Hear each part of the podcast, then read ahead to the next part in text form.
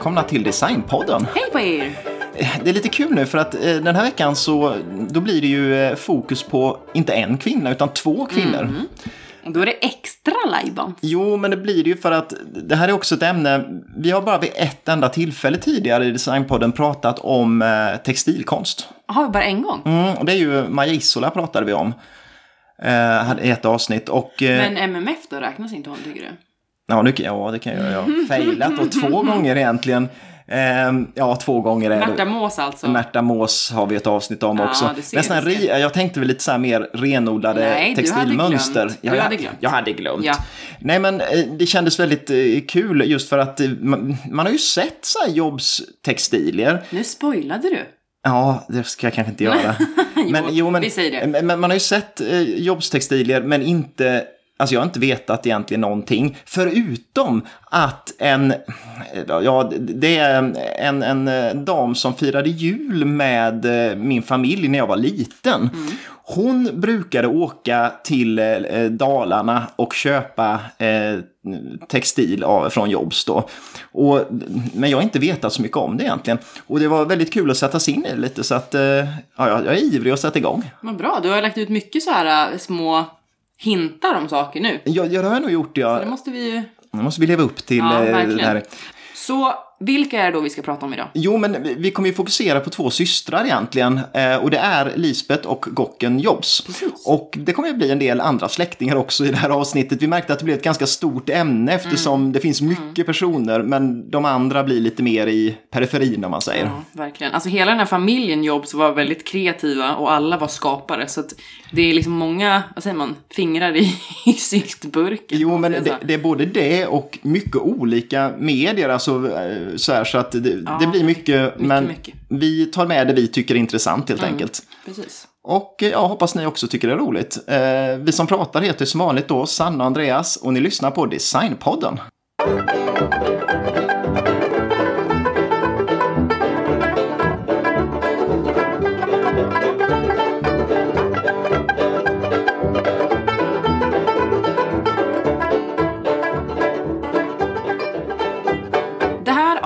Avsnittet grundas helt i en fantastisk bok som heter Jobs, keramik och textil av Hedvig Hedqvist och Kristina Mattsson.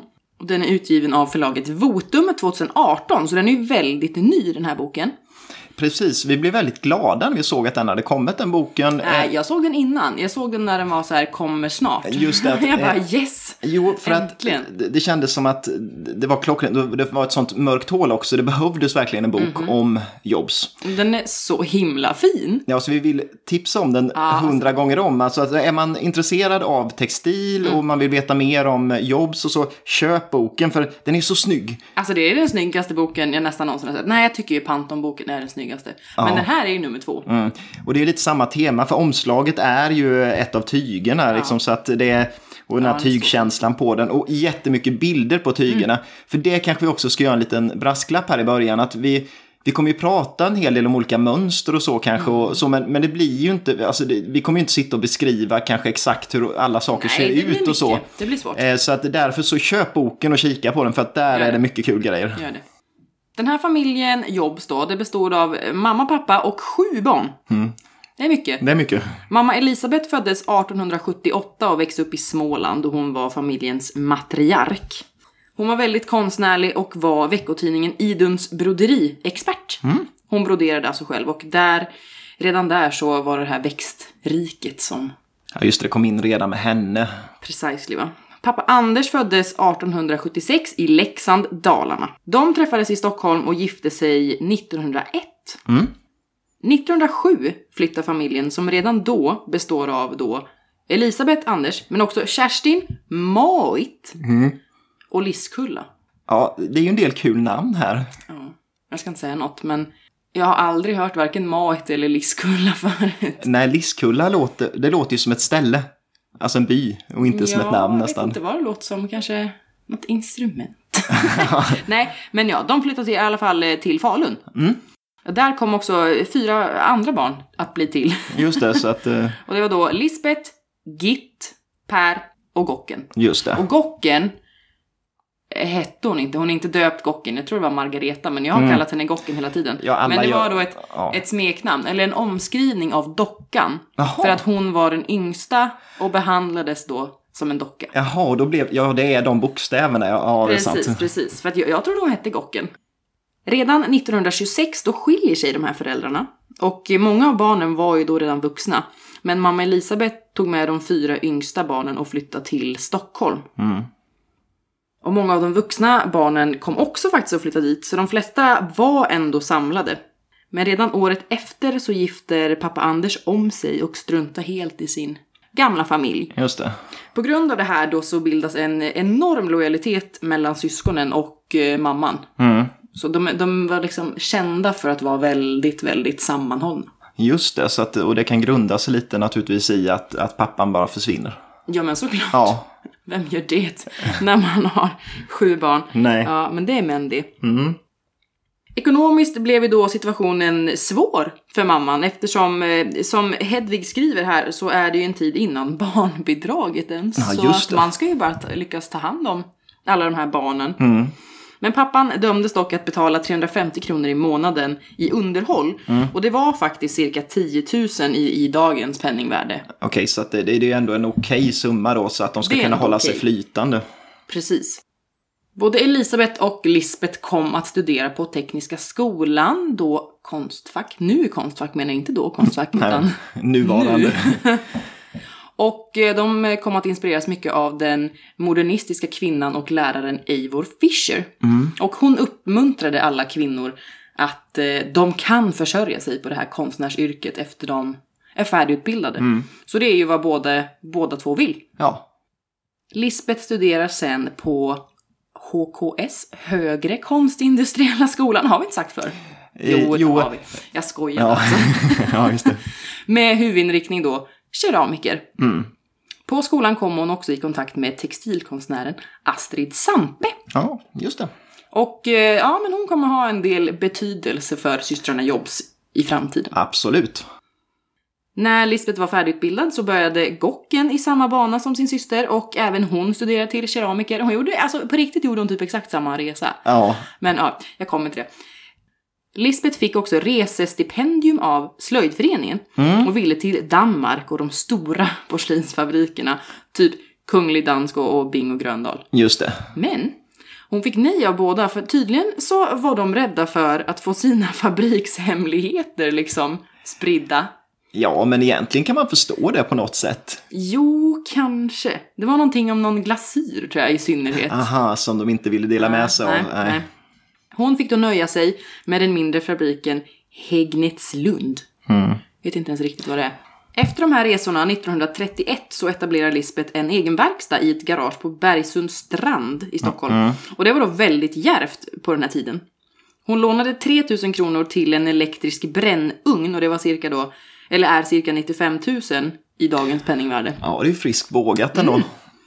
I ett reportage i tidningen Nya, Dagliga, nej, Nya Dagligt Allehanda från 1932 så säger Lisbeth själv på frågan om vilka riktlinjer hon följde. Mm.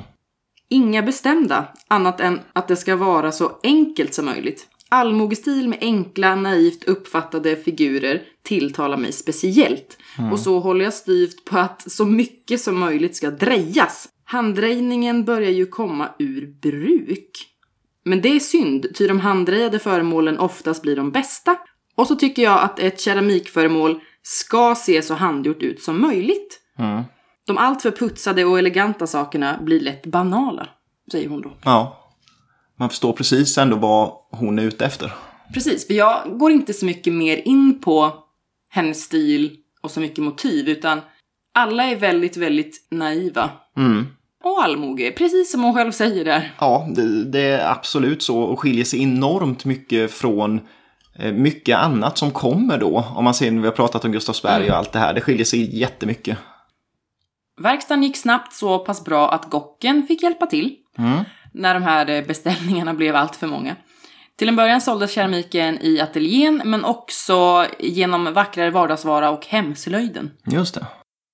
34 skriver Aftonbladet att Lisbeth Jobs bränner sina lerkrus och skålar i egen ugn och visar att en kvinna kan vara skicklig hantverkare. Mm. Det är bra. Ja, absolut.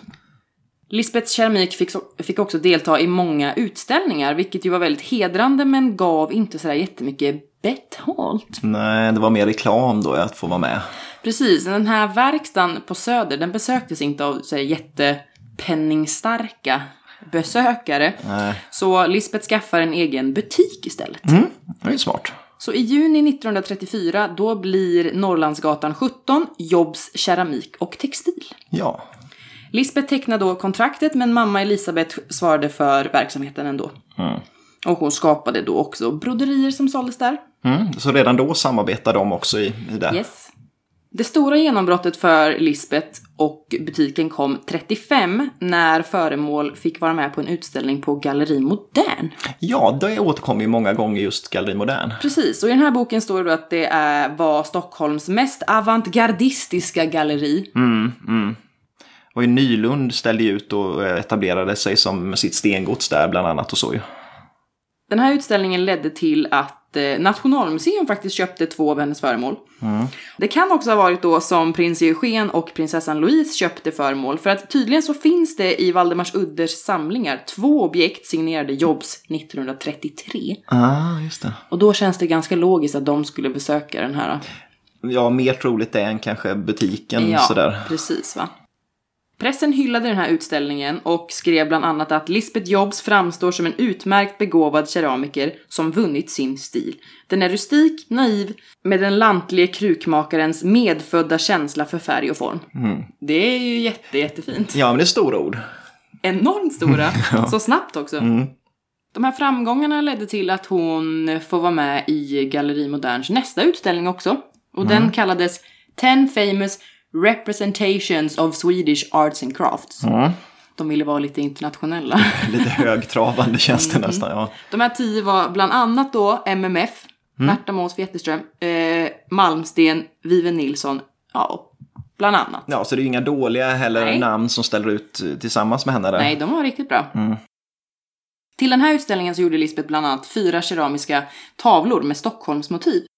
De köptes av en Folke Aschberg och placerades i entrén till Hantverkargatan 7.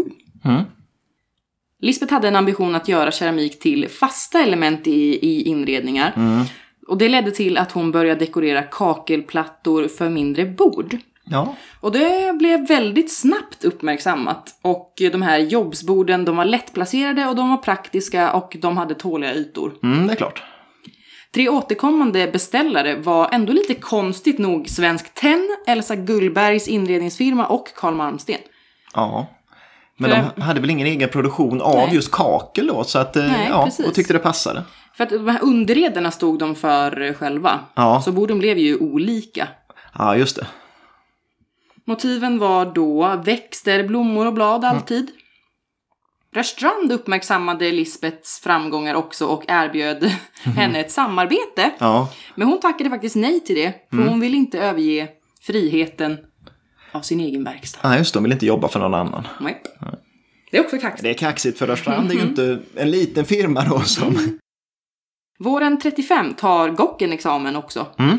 Och hon kom då också att praktisera på det här Hegnetslund Mm. i Danmark. Och sen fortsatte hon med studieresor. Ja, så går, hon går väldigt mycket Ah, i, i alltså. systerns fotspår. verkligen, verkligen, verkligen. Men det gick ju bra, så egentligen, why not? Ja, Efter de här resorna så kom hon såklart att jobba då med sin syster i verkstaden. Snart tillkom också den tredje systern, Git, och eh, hon hade då en vävstol som Ja. hon bidrog med där. Syskonen uppmärksammades ofta i pressen och 37 skriver Stockholmstidningen att syskonen förkroppsligar några av de bästa dragen hos vår tids unga svenskor. Alltså det är så, allting är så bra hela tiden. ja. Jag blir så här glad att ja, det går ju väldigt spikrakt uppåt hela ja, tiden det där. verkar så. I verkstaden var Lisbeth den mogna och ansvarstagande och Gocken var eh, liksom ren kreativitet. Mm. Och de fick väldigt gott om arbete, ibland så mycket att de fick tacka nej på grund av tidsbrist, för det gjorde sig ju ändå för hand allting. Ja, Det var en balans att, eh, att tillfredsställa alla olika återförsäljare redan. Så eh, ja, det går ju sjukt bra. Ja, det får man ju lov att säga. Och systrarna, de hade väldigt snarlik stil ändå, vill jag också säga. För Mm. Just att, eh, ja, det är inte alltid jättelätt att se vem som har gjort vad om man inte kollar på signaturen. Nej, precis. Det är väldigt snarlikt alltså. Jobs keramik, då Gocken och Lisbeth, fick 36 en inbjudan till Nationalmuseums gästutställning i Wien. Mm. Och där såldes hela kollektionen som de gjorde dit. Oj, så att det Så var... de funkar internationellt också. Just det.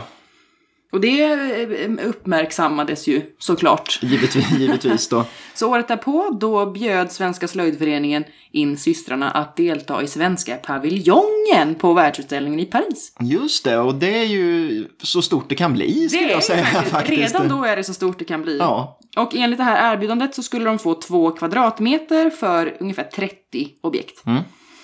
Fick också positiv respons av pressen och massor av utländska kontakter och inköpare och allting. Mm. Det såg så himla liksom ljust ut va? ja, Men vad händer? ja. Alltså det är inget att skratta åt men vi säger det ju varje gång Ja. såklart. Jo, För att vi gör ju ändå 1900-talet. ja. Men eh, då kommer ju, Andra världskriget. Eller kommer. Ja. Andra världskriget bryter ut. Ja. ja. så att eh, ja, det blir ju inte lika bra. Nej, Men eh, lite innan så hann de eh, vara med på några utställningar i USA också. Så att det, ja, men det, såg, det såg väldigt, väldigt ljust ut även internationellt och så kommer det och förstör. ja. Och- Och jag ska ju komma in nu på en tiden kring andra världskriget och eh, fokusera på någonting vi inte har pratat alls om än då. Och det är tygtrycken.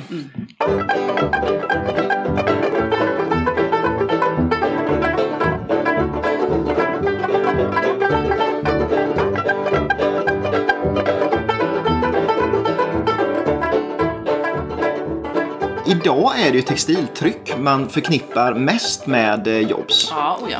Ehm, och det tog sin början egentligen eh, strax innan andra världskriget, så var det 1938. Eh, så skriver Lisbeth till eh, Röhsska museet i Göteborg. Och då skriver hon apropå en utställning som de ska vara med på som då hette Vår bostad 1938. Då skriver hon till Röhsska att vi vill börja med textiltryck och tryck som passar ihop med vår keramik. Och det är väl egentligen startskottet på textiltrycken.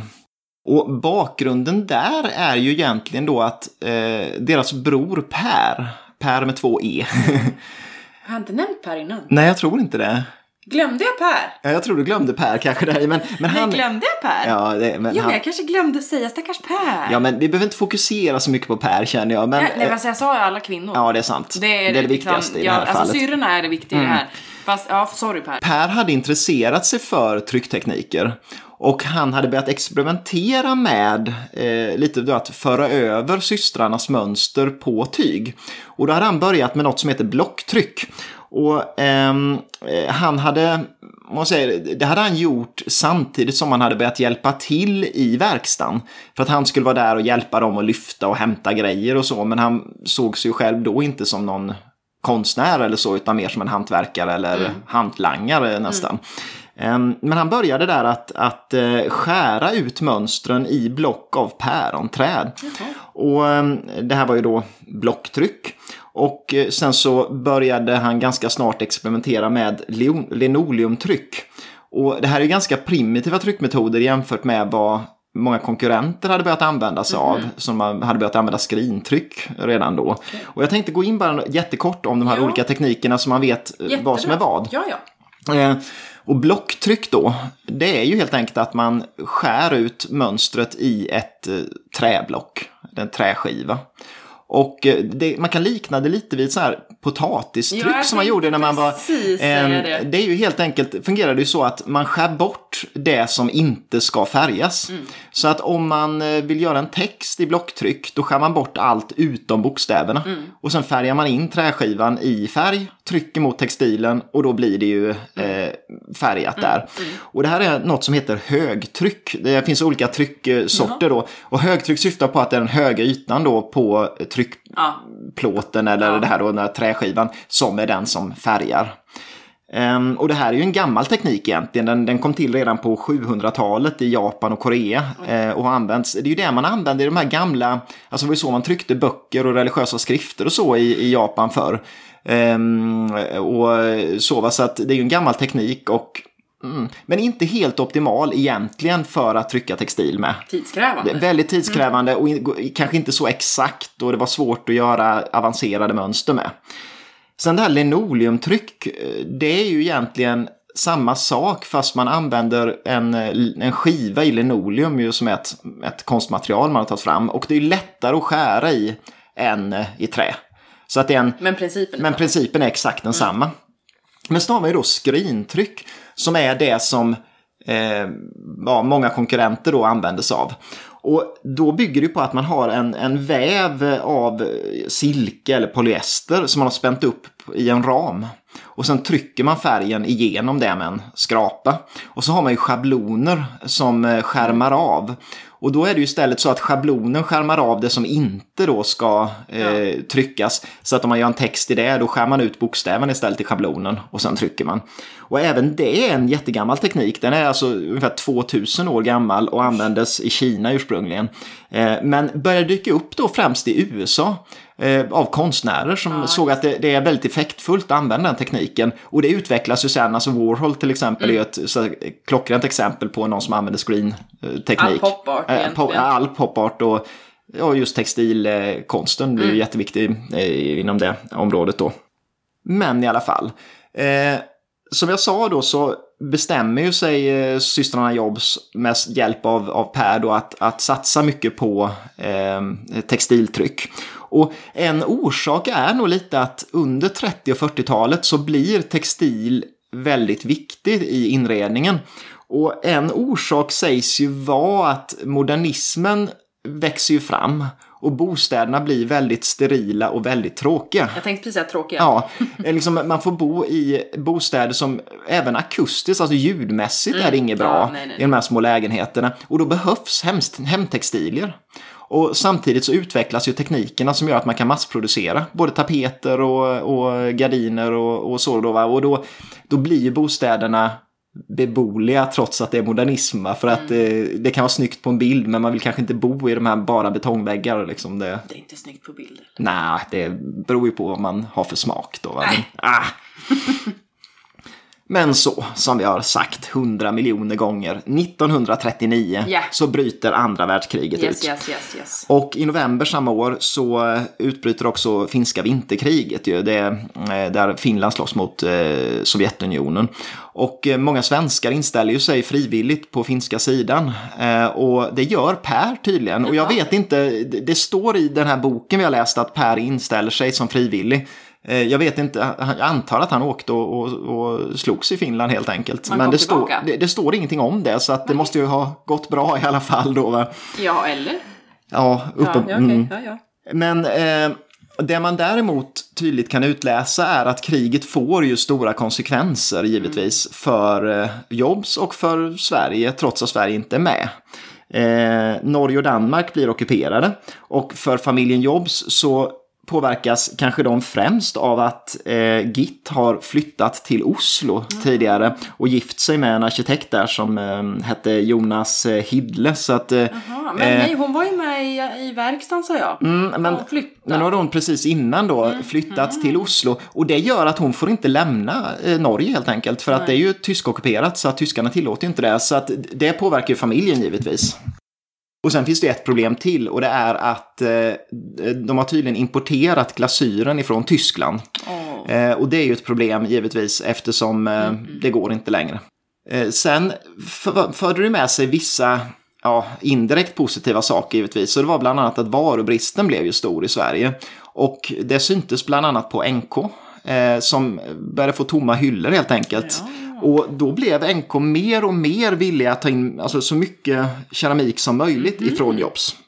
Men hur lyckas man när man inte har någon glasyr då? Ja, de fick väl hitta alternativ. Jag vet att mycket av de andra, jag vet inte exakt hur det var för Jobs, va? men mycket av de andra keramikerna får ju ta an, alterna, liksom alternativ B. Finns. Så att de får ta det som finns och det blir ofta inget bra. Ofta är det sånt där som har krackelerat och blivit dåligt i efterhand. Ja.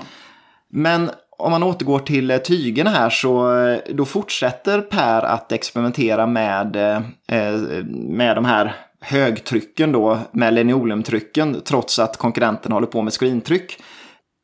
Det skulle man ju kunna tycka att ja, men det kanske inte är så bra, men han lyckas tydligen väldigt bra med det ändå. För att Aftonbladet slår upp i en stor artikel om eh, Per Jobs, då, att ja, han är jätteduktig på tyg.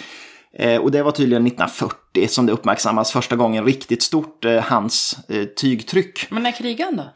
Ja, det vet jag inte. Alltså, han måste ju ha gjort det. Men va? Nu är jag förvirrad. Ja, men jag blev också lite förvirrad på det att han inställde sig på den finska sidan. Är det lite men... av en...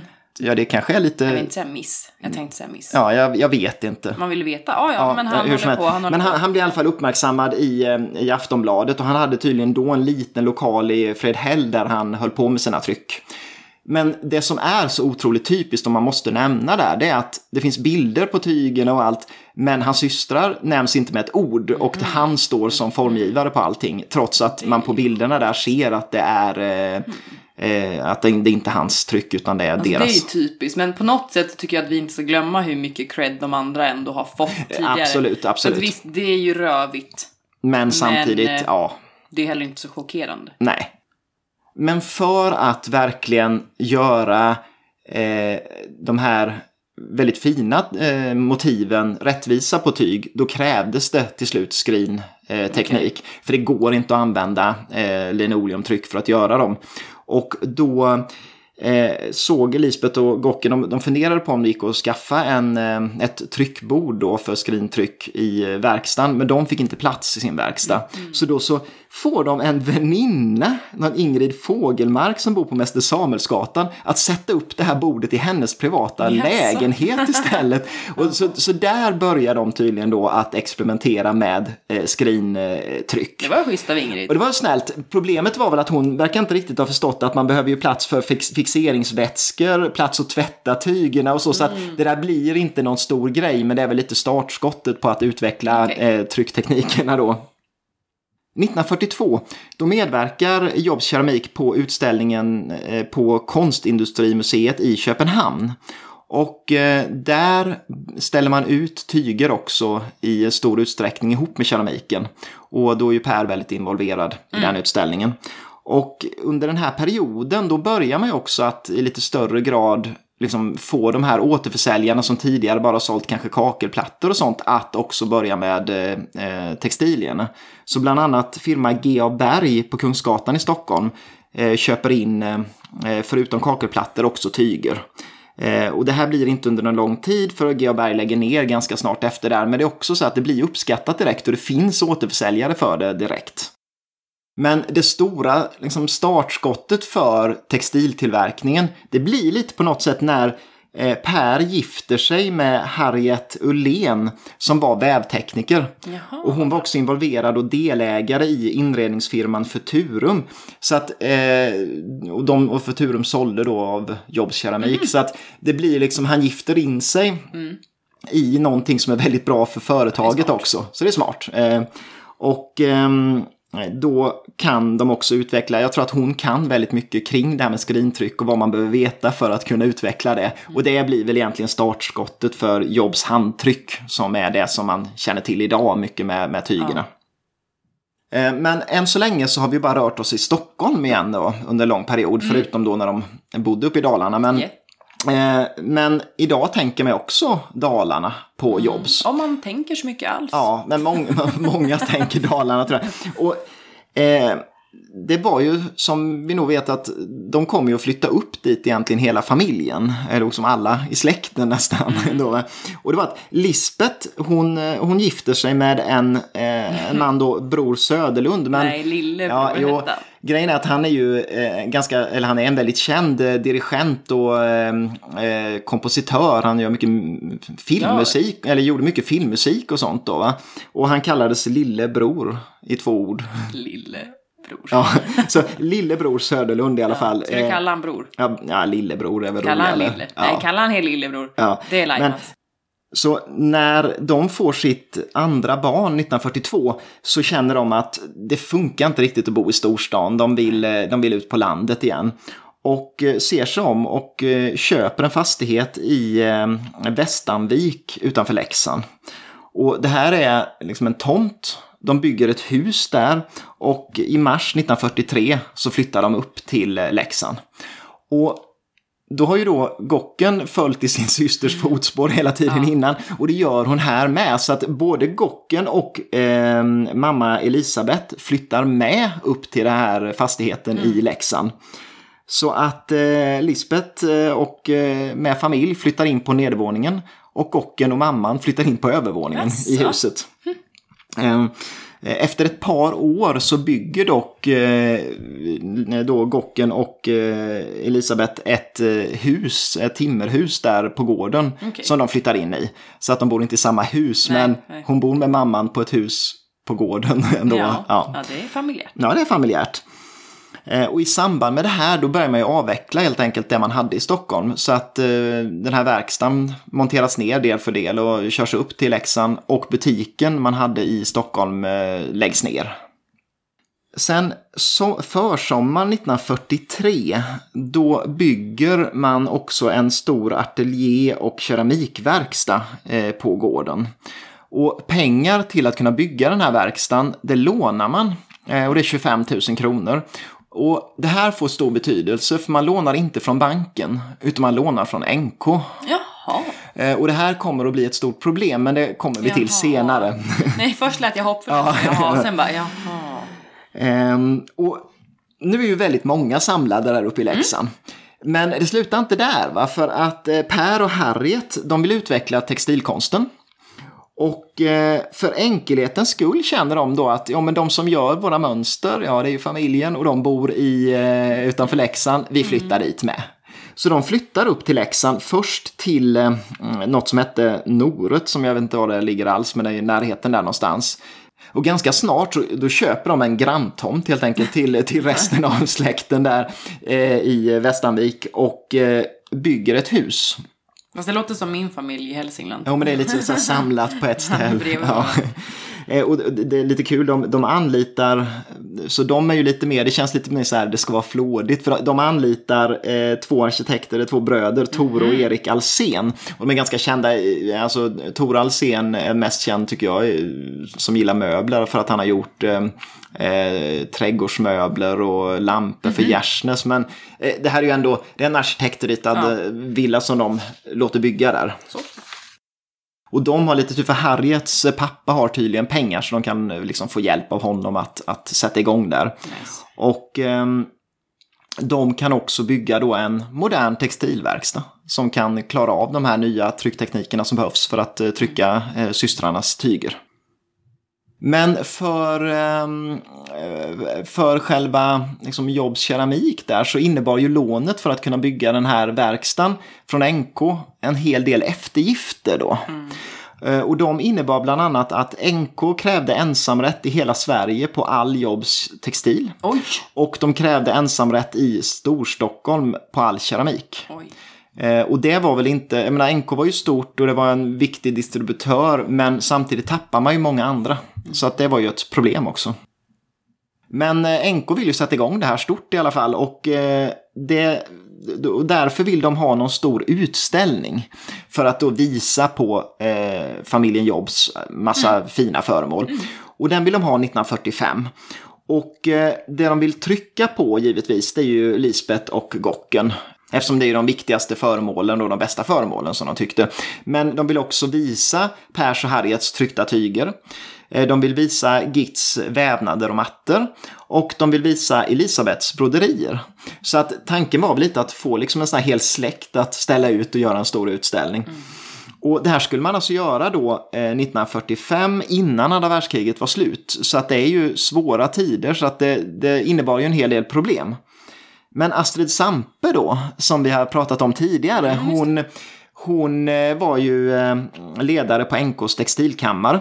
Och hon blir ju väldigt involverad i det här och det är väl hon som naturligtvis är den drivande för att eh, få igång försäljning av, av Jobs föremål på NK. Och hon har en hel del åsikter redan från början. Hon vill till exempel att man ska satsa mycket på barnkammartextilier och sånt. För det ser hon att det är sånt ja, som det finns en stor köpkrets för, sagt i Stockholm. Då. Mm. Och eh, NK kunde garantera att man kunde leverera eh, linneväv. Och det låter ju idag kanske inte så fascinerande men det här är under kriget och det är inte så jättelätt att kunna leverera jättestora kvantiteter med linnetyg. Men sen finns det då ett, en sån här liten, eh, ett litet gissel. Och det är att de tycker det är helt okej okay att Per och Harriet trycker liksom små dukar och, och tavlor och sånt. Men de kräver att allting som går på löpmeter, all, all liksom så stora tyger, ska tryckas av Erik Ljungberg i Floda. Och det var ju något de, de krävde helt enkelt och eh, lär väl ha varit lite sådär ja, Per lär inte blivit så glad mm. när han har en, verkst- eller liksom en, en textilateljé som skulle kunna göra det. Men de kräver att det är Erik Ljungberg som är mästertryckare då och det är den de vill satsa på. NK har ju redan ett samarbete med Ljungberg så att det är väl det så att de vill inte konkurrera med det. Och vintern 44-45 upplevs då tydligen som väldigt stressig och det kan man ju förstå för att Eh, givetvis så eh, man har stora krav på sig men kriget gör att det är svårt att leverera. Mm. Så att det finns i Lisbets dagbok så finns det mycket beskrivet att så 90% av det man gör får man slänga hela tiden. För, för ugnen är dålig och eh, godset är dåligt så det spricker ja. och så. Så att det var nog kämpigt och samtidigt visste de att det var så otroligt viktigt att den här utställningen blev bra. Men så då den 17 mars 1945 så öppnar utställningen. Och den får namnet När skönheten kom till byn.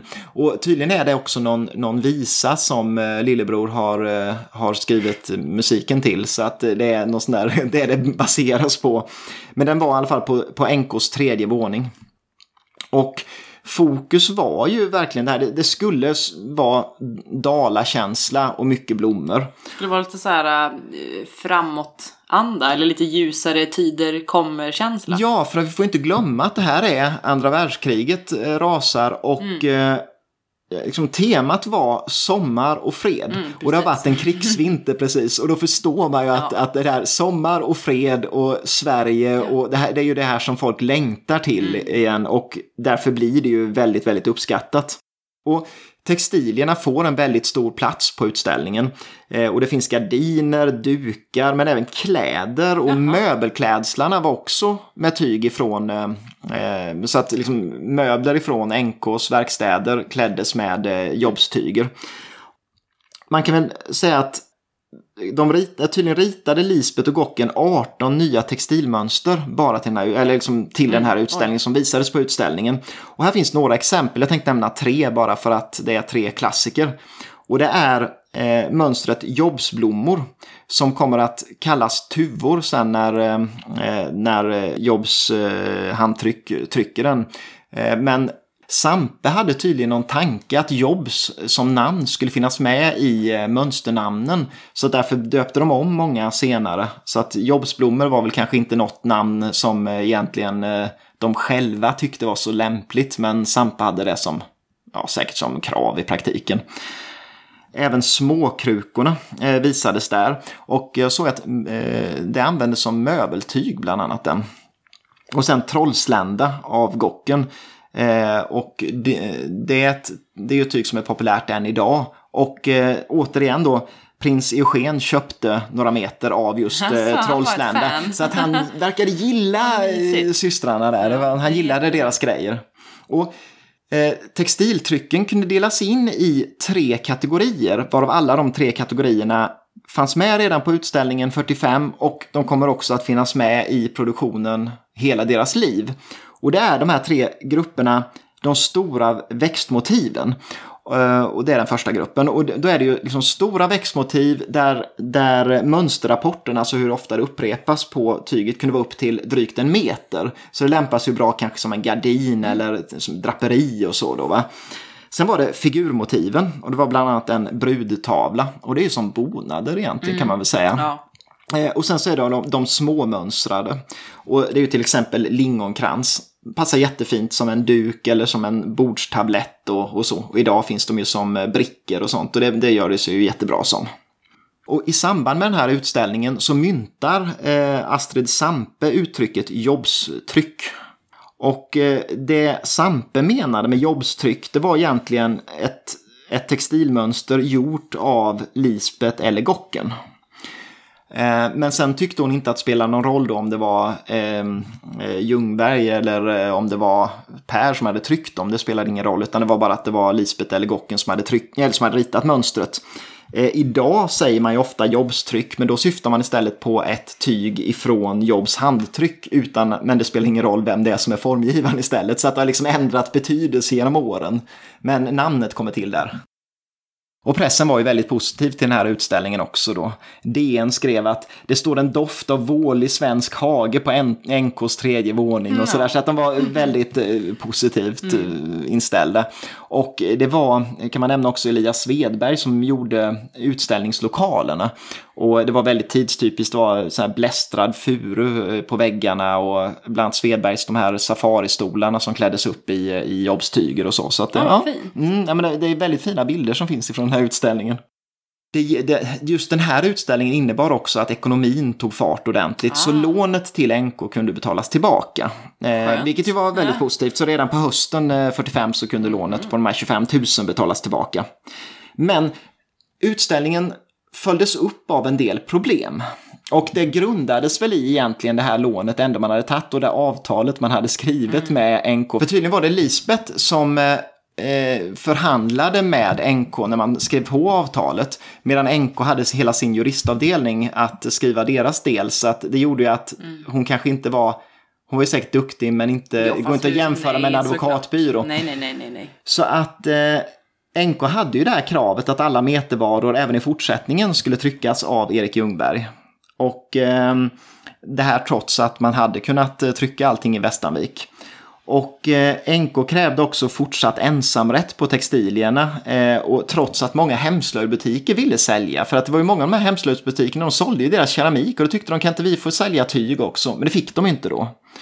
Ehm, och dessutom strax efter utställningen, då på hösten 45, då skulle Liljevalchs hålla en utställning och eh, då krävde NK helt enkelt att eh, Jobs skulle finnas med på den utställningen. Och de ville ju inte, de, de orkade väl inte helt mm -hmm. enkelt. Men de hade inget val för de hade också avsagt sig rätten att bestämma om vilka utställningar de skulle vara med på. Mm. Om NK ville någonting så var de tvungna att vara med på det. Så att det här, det börjar ju gnissla redan här.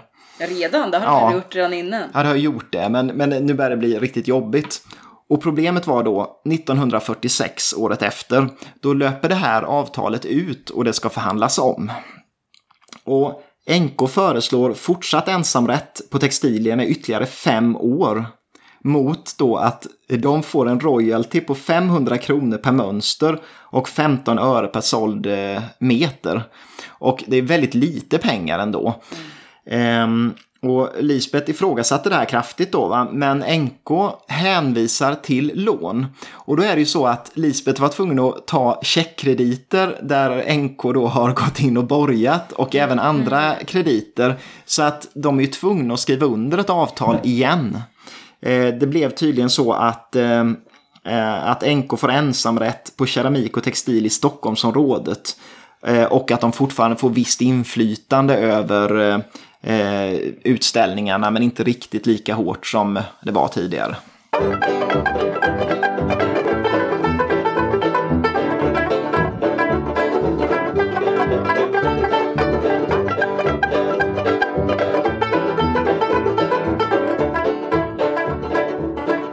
Sen kommer ett annat företag in i bilden som får väldigt stor betydelse och det är Gävle Ångväveri och det är ett gammalt företag där det grundats redan på 1860-talet. Och eh, på 1940-talet då beslutar de sig för att de ska knyta till sig svenska formgivare istället för att bara köpa in utländska mönster.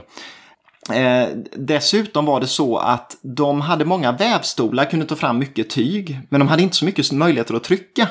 Och det här är ju himla bra, för då fanns det ju uppe i, i Leksand jättestora möjligheter att trycka tyg. Så de inleder ett samarbete då med Jobs handtryck och med Norrköpings bomullsväveri och tar fram en kollektion med tyger som var inriktad mer på kläd, klädtyger. Och eh, då var det systrarna Jobs och eh, ett antal andra eh, textilkonstnärinnor, bland annat Marianne, eh, Marianne Richter, som tog fram tyger dit. Och de här tygerna skiljer sig lite då för de var ju tvungna att vara anpassade typiskt till klädmönster. Så att det skulle vara ganska små eh, mönsterrapporter i så att man skulle kunna skära ut eh, tygen tygerna utan att få massa spill. Och det viktigaste här, det var att mellan 1946 och 1951 så tryckte Jobs handtryck ungefär 45 000 meter tyg åt Gävle ångväveri. Och det, och det innebär alltså att de 90 procent av produktionen i Västanvik är tyg åt det här Gävle ångväveri. Men under 40-talet så har Lisbeth börjat uppleva att lillebror då, han, han börjar bli mer och mer frånvarande. Mm. Han håller sig borta på stora turnéer runt om i Sverige med, liksom som, eh, med musiken. Och Gocken däremot, hon kan ju då, hon har inga, ingen familj. Utan hon kan plötsligt göra massa saker som, eh, som Lisbeth inte kan. Gocken eh, hon är i Stockholm en period och eh, studerar vidare på Konstakademins grafiklinje. Och hon besöker nere utanför, alltså i Arild utanför Helsingborg och målar. Och hon kan även åka utomlands, 48 åker hon en månad i Italien och så vidare. Medan Lisbeth blir ju kvar med familjen på grund av att hon blir ju lite den ensamme som får ta hand om familjen då när lillebror Ja, det är också inte en klassiker. En klassiker och något som har dragits paralleller lite med deras pappa också som håller sig borta. Mm. Men samtidigt är det ju inte bara dystert, va? för att eh, turismen ökar i Sverige efter eh, andra världskriget. Folk har råd att åka på semester och semestrarna blir längre. Och då åker mycket folk till Dalarna. Och eh, i och med att Dalarna blir ett turistmål, då går det bra för Leksands hemslöjd. Och eh, Lisbeth och Gocken engagerar sig där.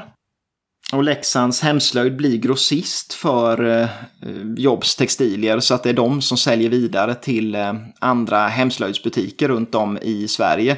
Och man känner ju också att i och med att det blir mer turister och mer folk som rör sig i, i, i området runt Leksand, ja, varför inte öppna en butik? Så 1948 så öppnas Jobsboden. Och det gör man alltså i halva vedboden på, i eh, den här... Ja, så, att, så det är en bod? Det är en bod. Så halva vedboden öppnar man Jobsboden i. Och eh, där sålde man Jobs eh, mm. keramik och textilier till turister. Mm. Och då systern eh, Kerstin, hon engagerar sig i den här boden. Asså? Ja, så hon, för hon känner ju att varför inte flytta upp då till resten av familjen i, eh, utanför Leksand? Ja, så det gör hon och engagerar sig i just själva försäljningen och, och butiksförsäljningen av eh, Jobs keramik och eh, textilier. Bland annat så väljer man att ta fram vissa mönster som bara säljs i Jobsboden och då blir det också ett sätt liksom att locka folk upp till, till deras eh, butik. Men NK däremot, som eh, hade varit viktiga för Jobs tidigare, de får ju en lite annan inriktning under den här perioden. Eh, man knyter till sig Viola Gråsten till exempel, som jobbar mycket med geometriska mönster som inte är, liksom, det, det, är ju så långt ifrån de här klassiska blommönstren mm. man kan komma.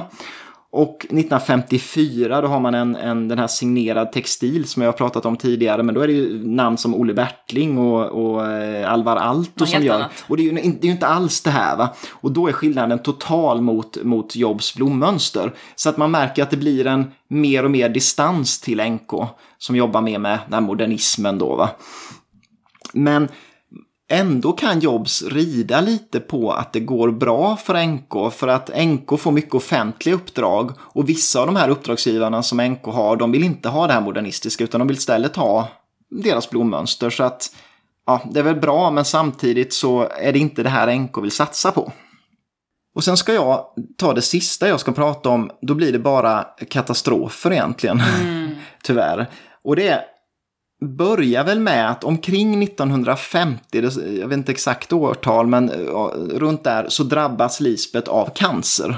Och det här är samtidigt som lillebror ligger inlagd på Falu lasarett för alkoholmissbruk. Aha, ja. ehm, och efter det här så eh, kommer han att flytta in till Falun mm. och de flyttar isär. Okay. Och Lisbeth opereras för cancern och kan återvända hem men blir aldrig frisk förklarad. Um, och ytterligare ett problem då året efter, 1951, då lägger Gävle ångväveri ner. Och de har stått för 90% av deras omsättning och det är också ett jättestort problem givetvis. som ett litet sånt här ljus i den här mörka perioden det är att Bonnier bjuder in Lisbeth och Gocken att ställa ut i New York. Och det är ju väldigt roligt. Men samtidigt är det Alltså den utställningen har beskrivits som att den har blivit väldigt lyckad för de skickar över mycket saker dit som blir uppskattat i pressen i USA också. Men de själva kan inte åka dit. Nej. För att det är ju en ja. sån period i livet. Tråkigt.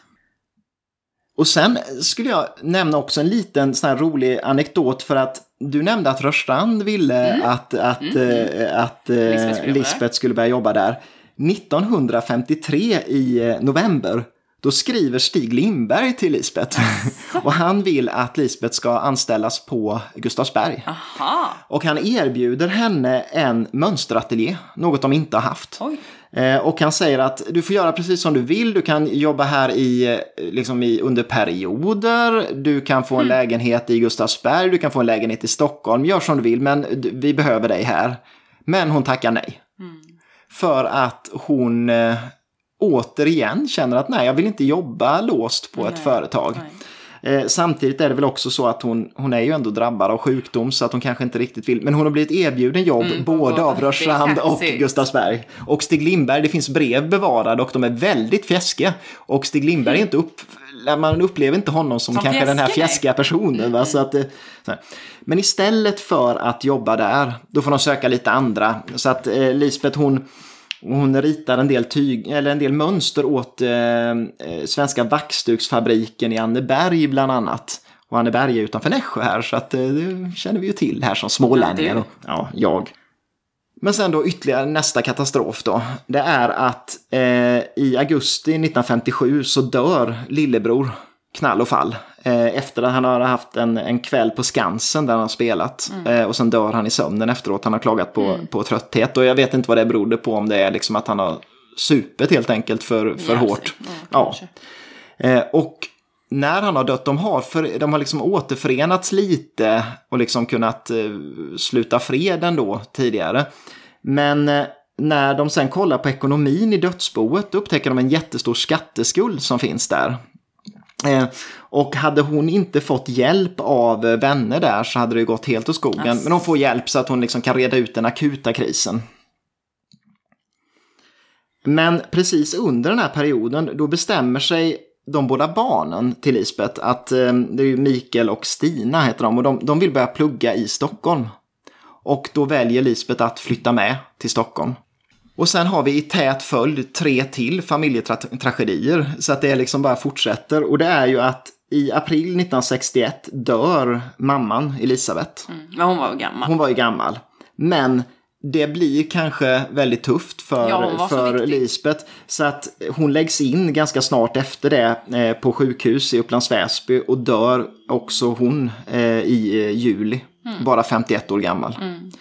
Och då 1962, eh, då kommer också då ytterligare en tragedi och det är ju att eh, Harriet, Pers fru, dör. Och hon har också varit sjuk en tid och då har Jobs eh, handtryck gått väldigt dåligt för Per har väl säkert inte heller kunnat nej, engagera sig i det. Så att där går en vän till lillebror faktiskt in och räddar företaget helt och hållet för att inte det ska gå i mm. kull helt. Trots den här svåra tiden då för mm. Så fortsätter Gocken att vara väldigt produktiv och mm. hon ritar många mönster från 1950 och framåt. Mm. I början av 60-talet ledde en uppgivenhet kring modernismen till att eh, man eh, får ett nytt intresse för arts and crafts. Ja, och det är ju väldigt kul, för mm. modernismen är ju inte kul. Speciellt inte i keramik och tyg. Nej, det, här, det måste vara jättebra för dem, att, eller för Precis, just kocken då, att, att nu eh, får man upp Liksom... Exactly, och det var då i synnerhet William Morris som uppmärksammades med sina tapeter. Mm. Eh, som då var i skikt, mm. tydligen. De är ju skitfina. Ja, det är fantastiska saker. Sånt älskar jag. Med det här som inspiration då så skapar Gocken eh, bland annat Sommar 1964 mm. och Rabarber 1968. Ja, det är min favorit. Ja, nästan min också. Så himla fin. Och de blev också väldigt uppskattade som möbelklädsel. Mm. Och de användes bland annat av eh, OP-möbler, O. Sjögren och Norell. Mm. Och det är ju väldigt småländska företag allihopa. Ja, exakt. Och, Vill jag säga innan du hinner säga det. Ja, och väldigt viktiga firmer så att det är klart det är, det är uppskattat. Också.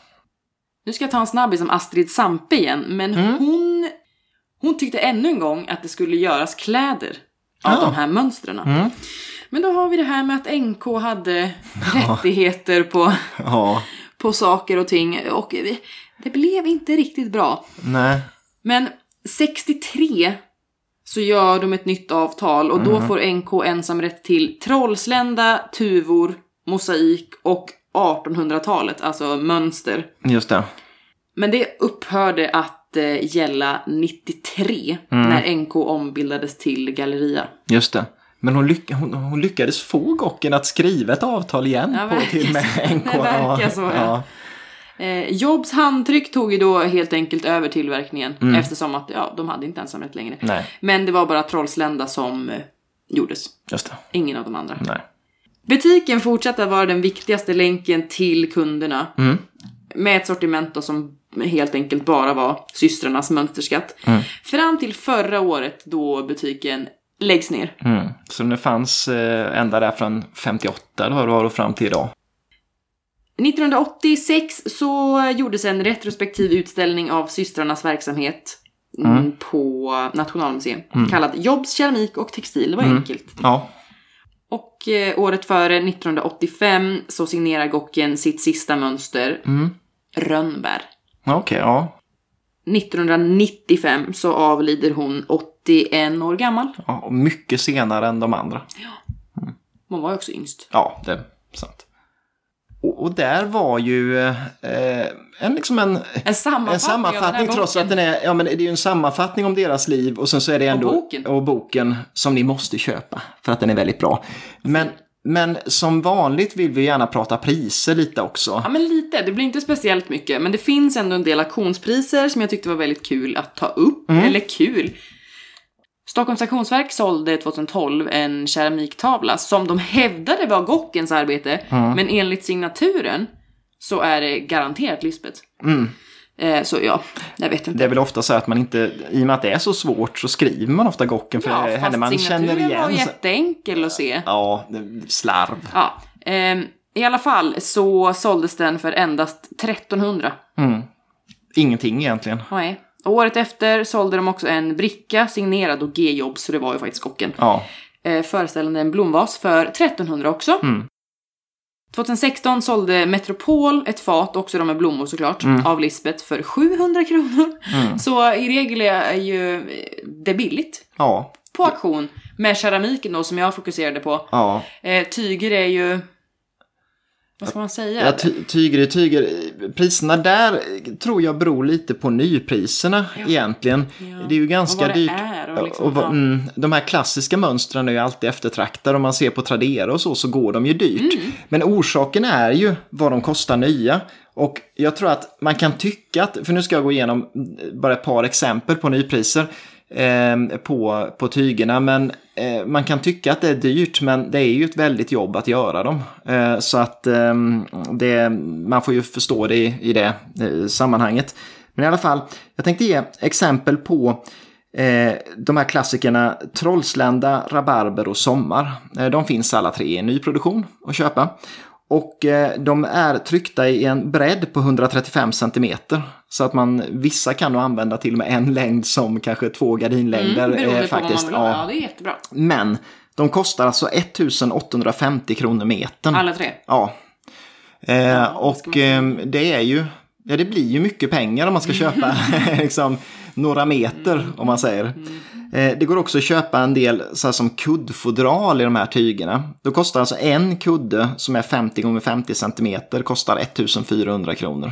Så att det är ju dyrt men det är ju traditionellt hantverk. Mm, och jättefina Ja. saker. Och, och generellt kan man säga att alla tyger som finns på eh, det här eh, Jobs handtryck kostar mellan 825 och 1850 kronor metern. Okej, Och med det så avrundar vi veckans avsnitt. det gör vi. Blev det långt eller kändes det bara så? Ja, Det vet vi inte. det vet vi aldrig förrän vi har klippt. Nej, exakt.